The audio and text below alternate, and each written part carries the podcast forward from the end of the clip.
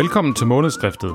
Velkommen til iværksætterne, som er en miniserie i tre afsnit, hvor vi skal møde Lene, Astrid og Ulrik, der alle tre har fået midler fra Keofonden til at lave et projekt til gavn for os alle i almen praksis.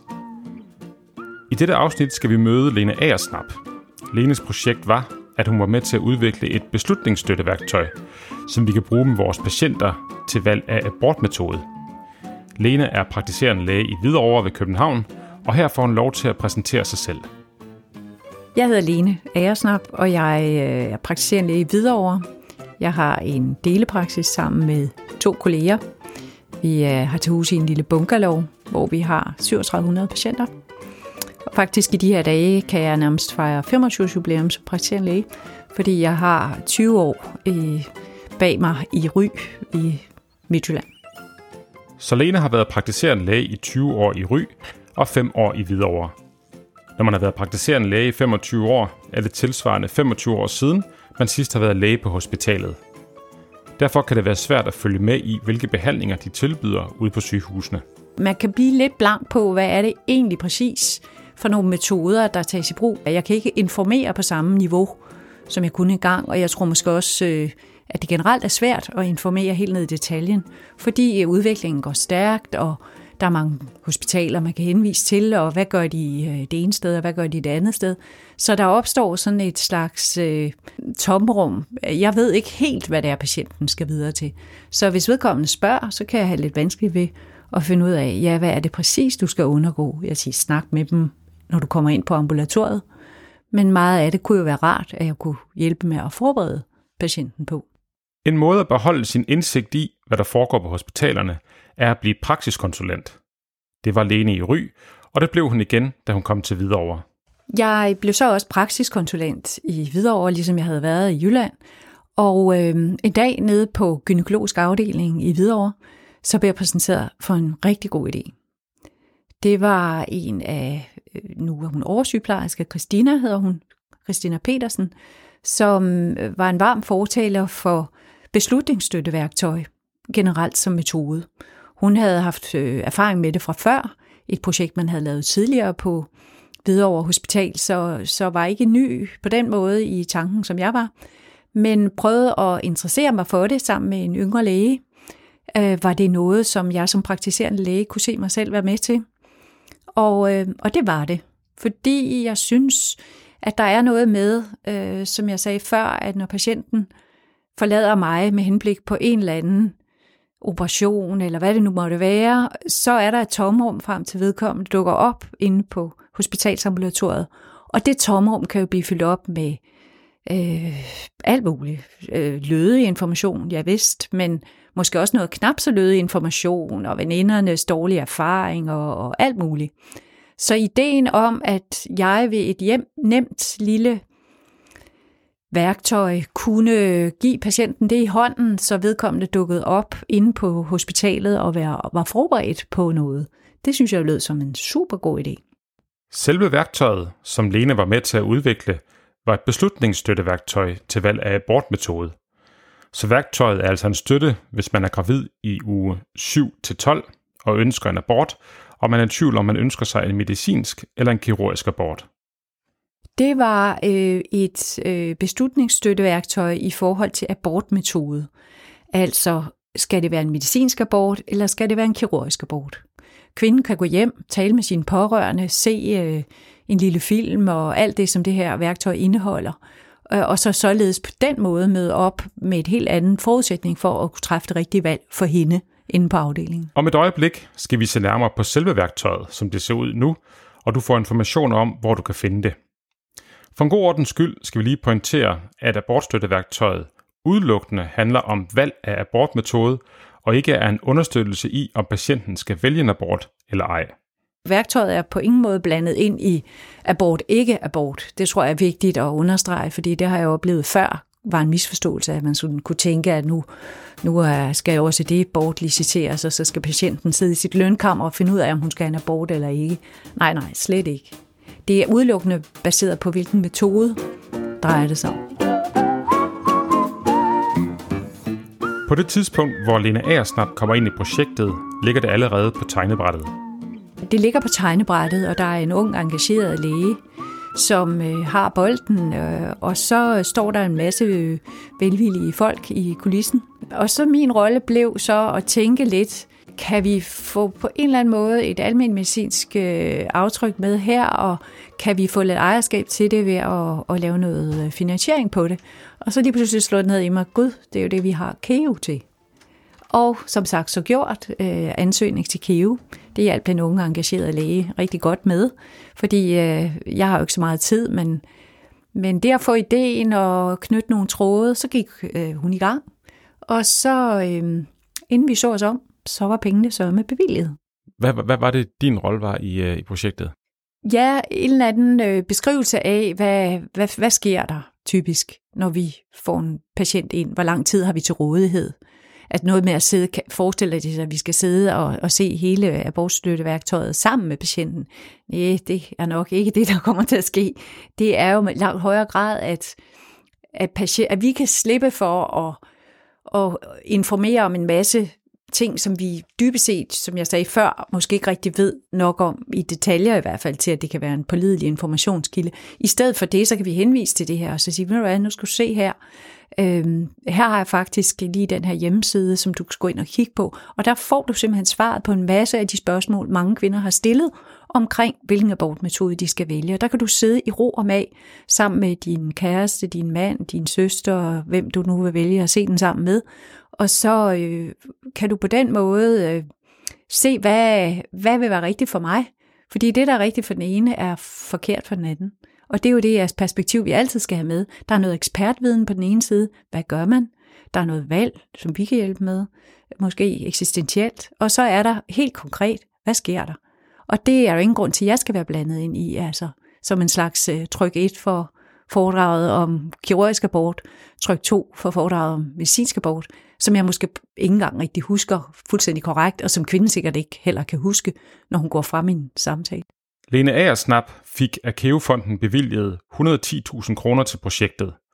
Støtten gik blandt andet til film og lydfiler, som ligger på abortstøtteværktøjet, og til at aflønne to andre praktiserende læger, som fik til opgave at gennemgå abortstøtteværktøjet kritisk. Når man kommer ind i det, ligesom jeg jo er blevet trukket med ind i det, så bliver man måske lidt hjemmeblind, som svenskerne siger. Ikke? Man, man glemmer, man kan ikke se, hvad det er, man egentlig ikke siger. Og så var det jo noget om at finde to kritiske røster ude fra baglandet. Øh, endda to herrer, to gode herrer, som øh, var med og kiggede igennem undervejs, og, og som kunne komme med nogle rigtig gode øh, tilbagemeldinger, forstået på den måde, at der var nogle ting, som man ikke lige havde tænkt over. Blandt andet kunne de bidrage med, hvad, hvad er den typiske reaktion bagefter sådan et indgreb har fundet sted.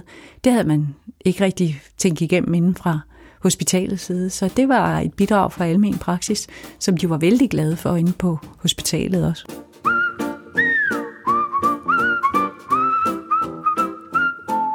Lad os lige kigge på jeres produkt, abortstøtteværktøjet. Det finder man ved at gå ind på internettet og skrive videoverhospital.dk-abort. Ja, og du kan jo søge, altså hvis du som jeg lidt glemmer, hvad så var det nu, der skulle stå helt præcis, så kan man også bare google Hvidovre Hospital medicinsk abort. Så kommer den. Så kommer den. Så man går den ene eller anden vej, så kommer man herhen. Og det første, man ser, når man øh, åbner siden, det er, at øh, man, der er nogle menuer. Der er noget, der hedder uønsket gravid, så er der noget, der hedder medicinsk abort, kirurgisk abort, og hvad skal du vælge? Ja, og så er der jo også de her øh, gode eksemplifikationer med video, hvor du stedet ser, hvad er det, der foregår øh, med henholdsvis det ene og det andet. Og så hører du også, har du nogle muligheder for at lytte til patienterfaringer på, som en, en lydfil. Og der var nogle forskellige eksperimenter i spil, og og også noget med, hvad virker bedst. Øhm, og så kan man jo sige mange gode ting om video, men der er også det her med øh, anonymiteten, hvem vil stå frem nødvendigvis, og med billeder, der er også noget i det. Og så øh, har jeg det personligt sådan, at jeg kan rigtig godt lide radioen som, som medie, jeg kan godt lide lyd. Og nogle gange, så kan man jo bare sidde og lukke øjnene og lytte til, hvad folk siger. Og det giver sådan set ofte, mm, synes jeg, mere end at få billedet på, som kan distrahere på en eller anden måde. Jeg synes, vi skal prøve at høre øh, Carla på 23 år, hvad, hun, hvad, hun, øh, hvad hendes overvejelse var. Lad os det.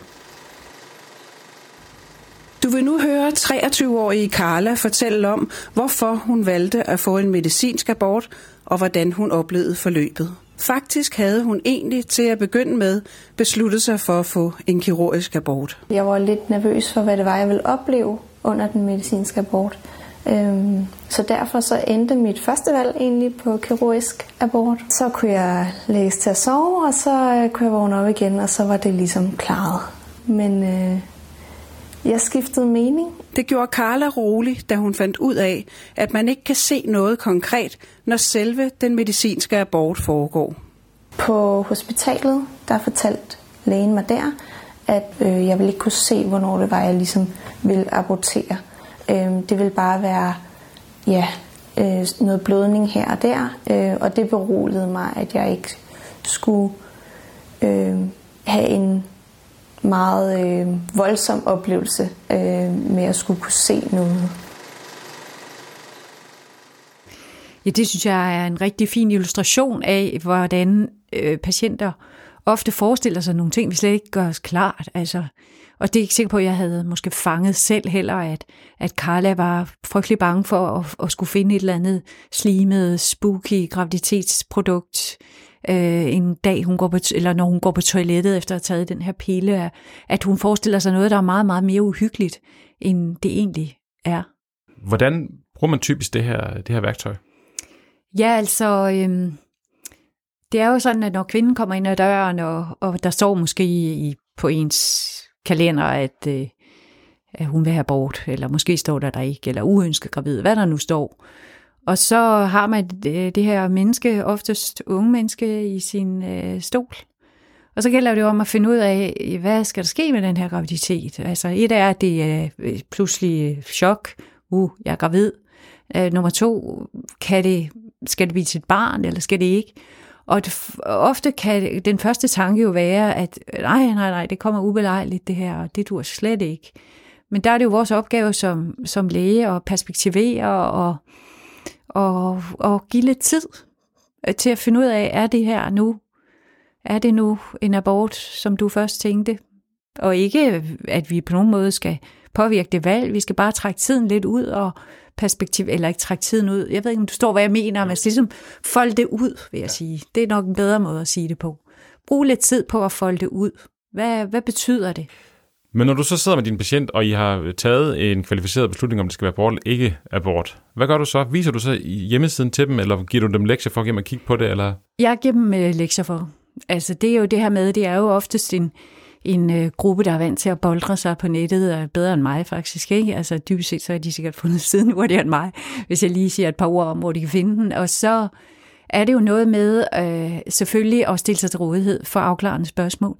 Men jeg tænker faktisk, at øh, det meget øh, øh, vel kan foregå derhjemme med, at kvinden sidder med en veninde igen, eller sin partner, eller hvad ved jeg, og ser det her materiale igennem, og så møder mere oplyst inde på afdelingen. Men jeg stiller mig til rådighed for, hvis der er nogle ting, der opstår i mødet med materialet, hvor de gerne vil have min, mit bidrag på en eller anden måde, så er de velkomne.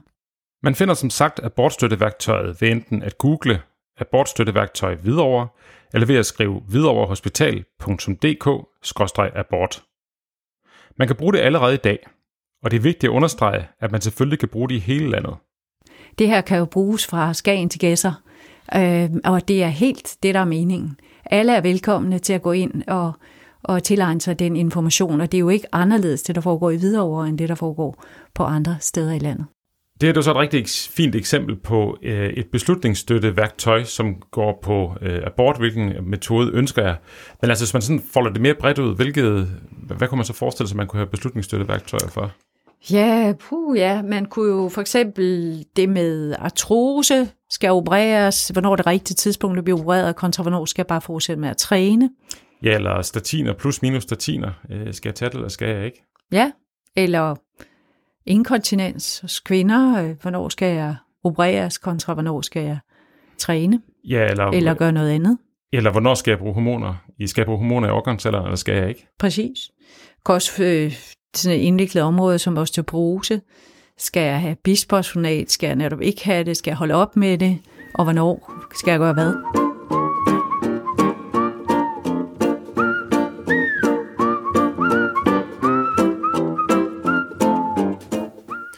Det her med at omsætte i idéer til virkelighed, Øh, nu har du så lige været igennem sådan en proces her, jeg ved, du har gjort det før også. Kan du prøve at knytte nogle ord til, hvordan der, hvad der typisk er barriere i det? Og... Ja, altså det her med at udvikle idéer, øh, det er jo noget, man rigtig øh, godt kan gøre i grupper. Grupper er jo fantastiske til det, ikke? Kollegerne er jo kloge, og når man gang imellem kommer på et fysisk kursus, det sker vel igen på et tidspunkt, så vil der jo altid være sådan nogle små klynger af folk, der står med nogle enormt gode idéer. Og jeg kan tænke nogle gange, det er en skam, at de ikke bliver øh, måske gjort til nogle virkelige projekter rundt omkring. Så det første er jo bare ikke selv i hvert fald at starte med at skyde en god idé ned. Altså bare at stå ved, at jeg har en god idé, og, og snakke åbent om det, og måske snakke med nogle flere, som har erfaring inden for øh, i, at omsætte idéer til virkelighed. Og så er der jo nogle fantastisk gode øh, steder, man kan henvende sig. Der er jo KEO, der, som vi jo slog ned i, i maj i hvert fald på et godt tidspunkt, hvor den der pære pludselig lyste. Jeg tænkte, KEO, det må være der. Ja, og så tænker jeg, at det handler også vældig meget om, altså hvem der egentlig får ideen, synes jeg personligt er mindre interessant. Det her var jo ikke min idé i udgangspunktet, fordi det var jo en idé, der blæste i vinden. Det var jo vel primært Christina Petersens idé og støttet af afdelingsledelsen og gode nye unge læger. Altså det her med, at idéer er jo, er jo noget, man dyrker sammen. Øh, så det, der, det er sjovt at gøre det også i fællesskab, og så kan man jo hver især bidrage med det, man nu engang kan. Og det her med at lave noget, der er tværfagligt forankret, det jo, jeg har jo så forstået efterfølgende, det er jo det nye ved det her, at vi faktisk har siddet og finpoleret en idé i fællesskab. Det er jo sådan noget, der gør, at de jo øh, alle steder fra, så synes folk jo, det er rigtig spændende. Fordi der jo eksisterer en eller anden myte om, at det er svært at få praktiserende læger med ombord i, i et eller andet, der, er, der foregår inde på hospitalet. Men det, jeg hele tiden tænker, som jo også er kongstanken som praksiskonsulent, det er jo, at vi skal jo tænke på patientens vej igennem systemet. Og kan vi gøre den bedre, så er det jo en god dag, både for hospitalet og den praktiserende læge, men jo først og fremmest selvfølgelig for den patient, der skulle være i centrum, som det hedder på tærskevis i forskellige regionssammenhænge, ventet og velkommen, og patienten i centrum, og hvad ved jeg. Det her er jo faktisk virkelig patienten i centrum. Vi har mødt praktiserende læge Lene Aersnap, som fik Kævefondens støtte til at udvikle på abortstøtteværktøjet. Det er som sagt allerede klart, og du kan finde det ved ganske enkelt at google abortstøtteværktøj videre. I det næste afsnit af iværksætterne skal vi møde Astrid Drivsholm Slot. Astrid er uddannelseslæge i almen medicin med baggrund i kardiologien. Da hun kom til almen praksis, så så hun pludselig de kardiologiske patienter i en mere kompleks sammenhæng, end hun var vant til på hospitalerne. Hun søgte penge til et kvalitetsudviklingsprojekt, hvor hun gennemgik en lang række journaler af hjertesyge patienter i almen praksis. Lad os lige høre, hvad hun fandt ud af. Det jeg kunne se, det var, at jo flere kroniske sygdomme de havde, jamen desto mindre sandsynligt var det faktisk, de havde været til årskontrol for deres øh, hjertesygdom i praksis. Og det gjorde jo så, at jeg tænkte, jamen det må vi jo forsøge at gøre noget ved. Så jeg fik en god idé. Vi lavede et nyt koncept, hvor vi tilbudte dem en årssamtale, og øh, hvor vi udarbejdede en, en årsplan. Og det var selvfølgelig for at prøve at skabe større overblik og større patientinddragelse, og også koordinering af undersøgelse øh, og kontroller for de her patienter. Du kan høre mere om årssamtalen og årsplanen i det næste afsnit af iværksætterne, hvor vi møder uddannelseslæge i almen medicin Astrid Drivsholm Slot. Miniserien Iværksætterne har også modtaget støtte fra Keofonden i Region Hovedstaden. Jeg hedder Christian Føds, jeg er special i almen medicin og redaktør på Månedskriftet.